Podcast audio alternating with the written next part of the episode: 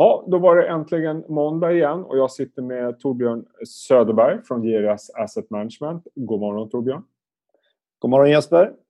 Eh, jag ringde upp dig med anledning av att du precis har släppt din nya strategirapport och jag känner ju som många andra att det här kan bli en väldigt intressant höst på eh, många sätt. Jag tänkte att vi skulle gå igenom huvudpunkterna och jag tänkte att vi börjar med det som du kallar för JRS-radar.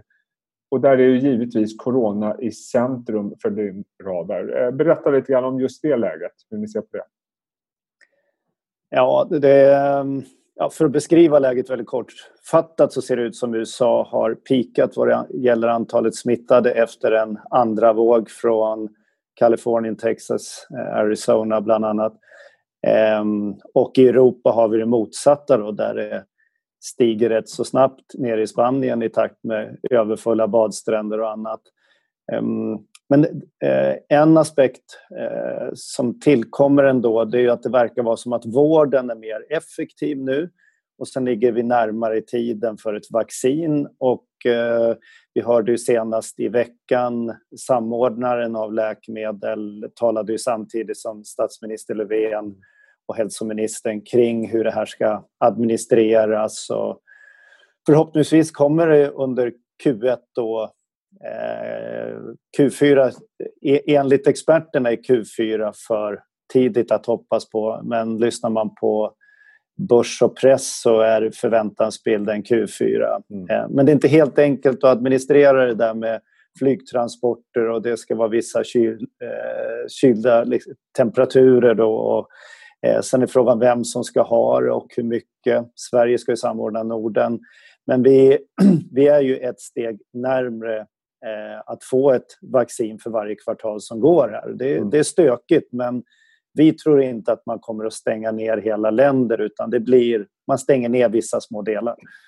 Och, och, det leder ju till den andra punkten på radarn tycker jag och det är ju arbetslösheten som du tar upp. Eh, där vi såg eh, chocksiffror under våren. Det känns som det har stabiliserats lite grann. Trump pratar till och med om att det börjar vända upp. Eh, hur, hur ser ni på det? Hur kommer det spela ut?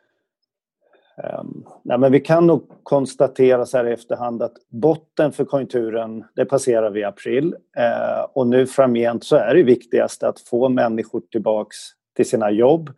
Det finns ett uppdämt konsumtionsbehov, framförallt i USA eftersom de här 600 dollar per vecka som eh, visserligen tog slut i juli men det är inte alla som har konsumerat det. Det är rätt så mycket pengar för medelinkomsttagaren och så fort det börjar bli en ökad mobilitet och man kommer tillbaka till jobben så tror jag att det finns ett uppdämt eh, konsumtionsbehov.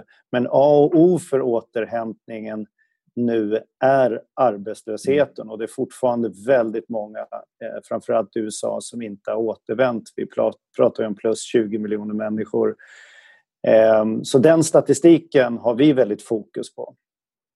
Eh, och eh, något annat som har dykt upp senaste tiden det är utvecklingen av dollarn. Och den får ju givetvis ett antal konsekvenser, inte minst här hemma för våra svenska exportföretag. Hur viktig är den i den här cocktailen när vi går in i hösten?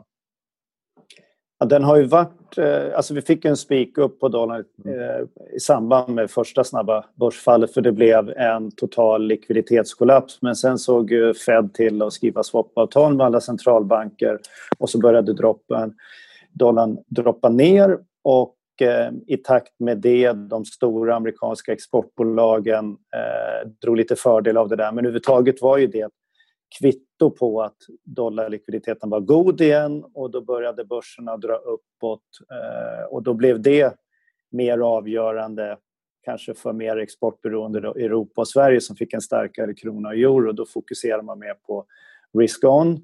Men eh, jag tror inför de här kvartalsrapporterna som släpps i oktober att det kommer att bli vissa nedjusteringar för de svenska exportbolagen beroende på dollarn. Men i och med att Fed har, som de säger, vi tänker inte ens på att tänka tanken på att höja räntorna. Eh, mm. Så att den låga räntespreaden som är nu och deras skenande budgetunderskott och att de trycker så mycket dollar helt enkelt gör att dollarutvecklingen åtminstone på sex månader kommer nog att vara svag. Kortsiktigt så har vi varit inne på att dollarn borde rekulera upp från 8,50 till 9 men det är lite mer tradingperspektiv.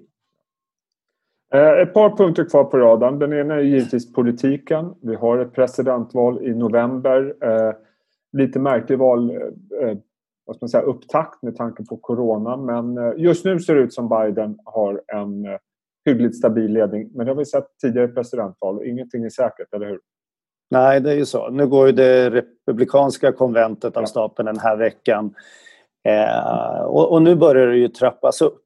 Eh, och eh, man kan se att Trumps popularitet växer i takt med kritik mm. mot Kina, eh, i, i, takt med att eh, corona sprids mindre.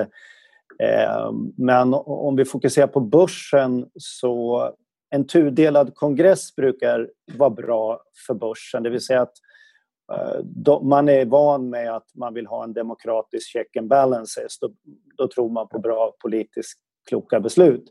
Men skulle vi få en demokratisk eh, majoritet och sen att Biden vinner och han fortsätter att eh, hamra budskapet att han ska reversera de eh, bolagsskattesänkningar som Trump genomförde. Det, det, borde in, det indikerar att det finns 10-15% nedsida på den amerikanska börsen. Men det kan också vara så att det bara blir ett slagträ och sen att han fokuserar mera på återväxten för USA och att det blir mera infrastruktur och miljöinvesteringar som budgeten urholkas med. Men ökat skattetryck ska vi nog räkna med. Och det leder mig lite grann fram till sista punkten på raden och det är ju vinsterna som vi faktiskt har sett Eh, stiga här nu sista tiden. Eh, och det skulle ju förutsatt att Biden skulle då få vinna och det skulle bli fullt med demokrater i kongressen och han då skulle kunna få igenom en sån här reform ganska tidigt. Då kommer ju de vinsterna reversera misstänker jag. Ja. Mm. ja men sett till det BNP-fall vi har sett och de prognoser vi gjorde i mars, då trodde vi att vinsterna skulle ner och med flera med oss då med 50-55 procent. Eh, och analytikerna låg väl då på 45. Utfallet blev per Q2 eh, blev då 35 procent ner. Så, där, så mycket har vinsterna sjunkit. Då. Men däremot var vinstutfallet 25 bättre än väntat vilket har ju då gjort att eh, revideringarna är uppåt. Eh, dels för 20 framförallt då, eh, men även för 2021. Så att säga att vi räknar med ungefär på global basis i år med 20-25 ner på vinsterna och 25-30 upp nästa år. Det vill säga att marknaden diskonterar att vinster och ekonomi är fullt återhämtat under eh, slutet av nästa år. Eh, och det är för mycket att man litar på det politiska stödet, att det fortsätter. Tillgångsköp, nollräntor och fortsatta subventioner från staten. Men, men, samtidigt om man tittar på lite grann statistiken vad gäller återhämtningen av covid-19. Vi har ju sett en väldigt stark återhämtning eh, där kurvorna har, av, av corona har vänt ner. Men, men, det är inte helt, det är lite tudelad bild om man tittar på de regioner där corona fortfarande härjar, där vi har liksom sett en mattning av den här återhämtningen. Så egentligen hur säkra är de här vinstprognoserna om vi tittar in i nästa år? Nej, det är klart, de är inte alls mm. säkra. Mm. Det som är konsumtionsrelaterat och investeringsrelaterat det bygger naturligtvis på att vi får bukt med den här pandemin och att ehm, återigen då att statliga stöd träffar effektivt. Äh, men framförallt vill vi ju egentligen att staten nu ska ehm, det vill säga få en normaliserad arbetsmarknad och så att staten kan göra mer offensiva satsningar. Och just när det gäller Sverige med tanke på vår relativt låga statsskuld så hoppas vi väl att eh, Magdalena presenterar här 21 september i höstbudgeten lite mer offensiva satsningar. Eh, men ser man det i ett lite större perspektiv kan det ju vara så att den här pandemin och de här politiska åtgärderna gör att vi får en snabbare strukturomvandling. Eh, det har vi ju sett, liksom, kursvinnarna är ju digitaliseringsvinnare, eh, miljöomställning, mindre resande och så vidare. Några av de här trenderna eh, är nog bestående eh, och eh, det är bara tre och ett halvt år kvar till 2025 och Parisavtalet. Jag tror att det kommer att komma rätt så rejäla investeringar och eh, vinnarna kommer att eh, driva på att de som riskerar att bli förlorare måste också öka investeringarna. Och då borde man kunna hålla en hög produktivitet och höga vinster därmed. Men risken, ska jag bara tillägga, är ju att, eh, att man höjer skatterna eh, populistiskt för att täppa till de här budgethålen vilket kan hämma utvecklingen. Ja, ja, precis, för det leder mig till nästa punkt och det är ju det här skuldberget som faktiskt eh, ökar. På. Sverige har en relativt sett gynnsam situation men ser man globalt sett, kanske inte minst i USA, så är det ju, det är ju ett skuldberg och frågan är om, om får vi samma hävstång nu för tiden? Jag vet att du hade en graf med som visar att det kanske inte riktigt är så. Nej, alltså i takt med högre belåning så ser man ju att för varje dollar USA ökar sin skuldsättning med så får man mindre ut produktivitetsmässigt. Eh, och därför var det eh, klokt och bra av Trump att genomföra de här bolagsskattesänkningarna, få en bredare skattebas. Eh, och nej, det, är ju så att vi så ökad skuldsättning, alltså någon, någon gång måste skulderna betalas. Just ja. nu har vi så låga räntor så att det belastar inte resultaten eller hushållens eh, eh, kostnadssida så mycket som det normalt borde göra. Eh, och det här kan ju pågå så länge inflationen är i schack. Då. Men det är klart att det kommer en mm. dag när inflationen åtminstone normaliseras. Det blir lite mer jobbigt då. Och, och, samtidigt så har vi då en penningmängdstillväxt som är rekordstor just nu. Ja. Den pekar ju rätt upp. Vad, vad får det för konsekvenser? Ja, den största konsekvensen hittills är ju att tillgångspriserna, mm. Eh, alltså de här pengarna eh, letar sig ut. Ett till aktier, två obligationer, tre råvaror, fastigheter och så vidare. Och det riskerar att föda en del bubblor. Eh, det är inte säkert att de behöver brisera just nu men den dagen inflationen eller någon slags åtstramning, skattehöjningar kommer då är det nog en hög risk att många har eh, visat sig bränt fingrarna lite. Sen tänkte jag att vi skulle gå in på en punkt som du kallar för modern monetär teori, MMT, eh, som är då liksom extra viktigt nu med de här gigantiska stimulanserna vi ser både från penningpolitiken och finanspolitiken. Berätta lite grann, vad är det du ser där och varför är det så viktigt just nu? Nej, men det är det att eh, ja, det här är ju lite en akademisk debatt nu som har eh, fått ännu mer grogrund och näring av att eh, Bernie Sanders före detta rådgivare Shelton har givit ut en bok om det här och man tror att hon kan också vara tongivande och kunna bli en rådgivare åt Biden om man vinner. Och det hela går väl egentligen ut på att man eh, anser att eh, staten kan driva ekonomin med väldigt stora budgetunderskott mm. som eh, kan fortgå till inflationen börjar stiga. Men det ges egentligen inget svar i den här boken på eh, som, vad ska man säga, underbygger Eh, att jag blir och andra skulle bli övertygade om att regeringar skulle kunna förutspå och sätta bättre inflationsmål än vad centralbankerna har försökt och misslyckats med också de senaste 40 åren. Eh, vilket gör att egentligen så här, man driver på det här tills inflationen börjar stiga och då höjer man skatterna för att finansiera det där för att stävja inflationen. Men det, det kommer ju bara innebära att du det statliga kapitalet tränger undan det privata och vi får en sämre produktivitet. Egentligen bara distribuerar du runt kapital istället för att skapa en återväxt. Mm. Och för Sverige skulle det vara eh, riktigt farligt, tror jag, om eh, man börjar höja Alltså, jag, jag, tror bland det bästa Sverige har gjort var att ta bort arvs och förmögenhetsskatten, även fastighetsskatten, för att man fick en grogrund för entreprenörer och eh, vi är redan ett högskatteland så skulle man börja återföra höga eh, skatter eh, så riskerar det att tränga ut det privata kapitalet.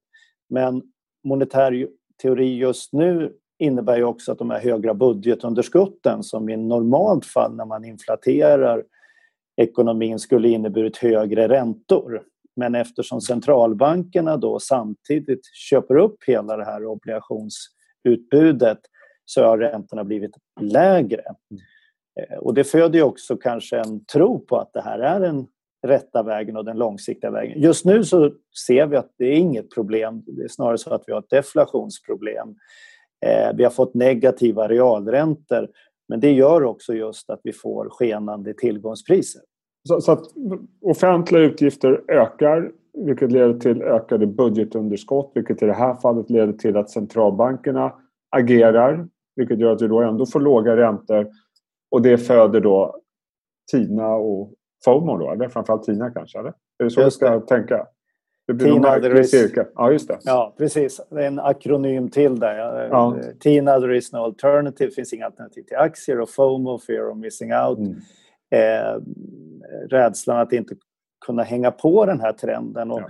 Det tror jag bidragit under våren också. Att man kan se att trendföljande strategier som man handlar i börshandlade fonder och andelen av omsättningen som nu är daytraders, privata investerare som spekulerar mycket har ju gått till snabbväxare och mer spekulativa aktier.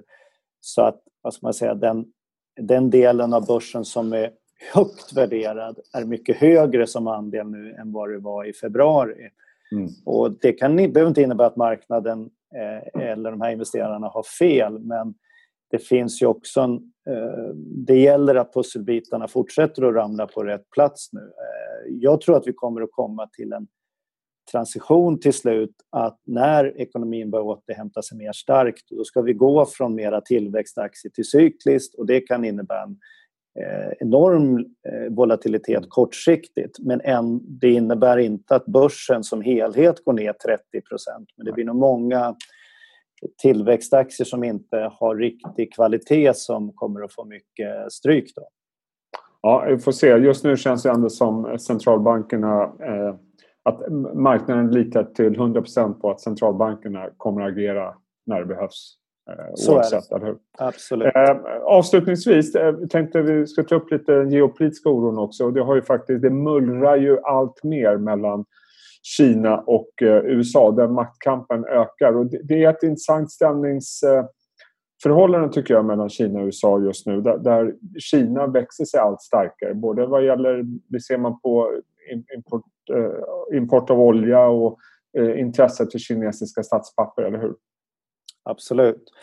Nej, men eh, vilken sida av myntet man ska mm. koncentrera sig på. Men Kina kommer ju behöva bygga upp mer kunskap och tillverkning kring teknologi om världen lite fryser dem ute. Då. Vi har den här TikTok-debatten eh, med allt mer intensifierad. Ja. Eh, men den hänger ju också ihop med eh, vad Facebook och Google samlar för data och debatten breddas nog och eh, det är väl till eh, det är väl både plus och minus men det är klart att så länge Trump använder Kina som ett slagträ i eh, valdebatten och om man blir återvald så fortsätter väl handelskrigseskaleringen. så riktningen mot ökad protektionism är ju inte bra.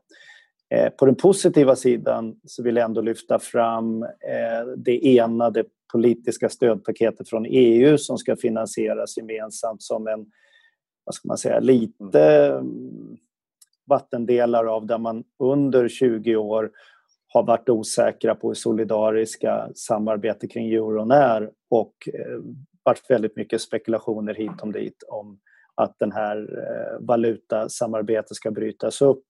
Men den risken eh, kan man nog ändå se att den har minskat. Eh, mm. Så det är lite på plussidan. Sen har vi, vi har Brexit kvar. Eh, det är det som händer som vanligt i Mellanöstern. Men eh, jag håller med, det är Kina och USA som kommer att ta mycket fokus här under hösten.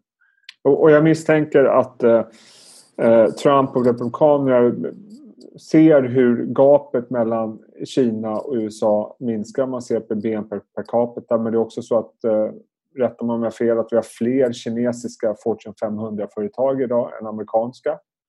Eh, ja. Och, och det här är i sig då kanske det som leder till att vi ser flera eh, resolutioner i kongressen om, eh, vad ska man säga, eh, avgiftshöjningar och så vidare. Gentemot Kina. Absolut. Nej, men det är stress. Mm. Jänkarna är stressade av det här. Det är som du säger, det är 400 nästan 400 resolutioner och avgifts och skattehöjningar mot Kina och vi har 124 eh, kinesiska företag nu mot 121 amerikanska på Fortune 500-listan.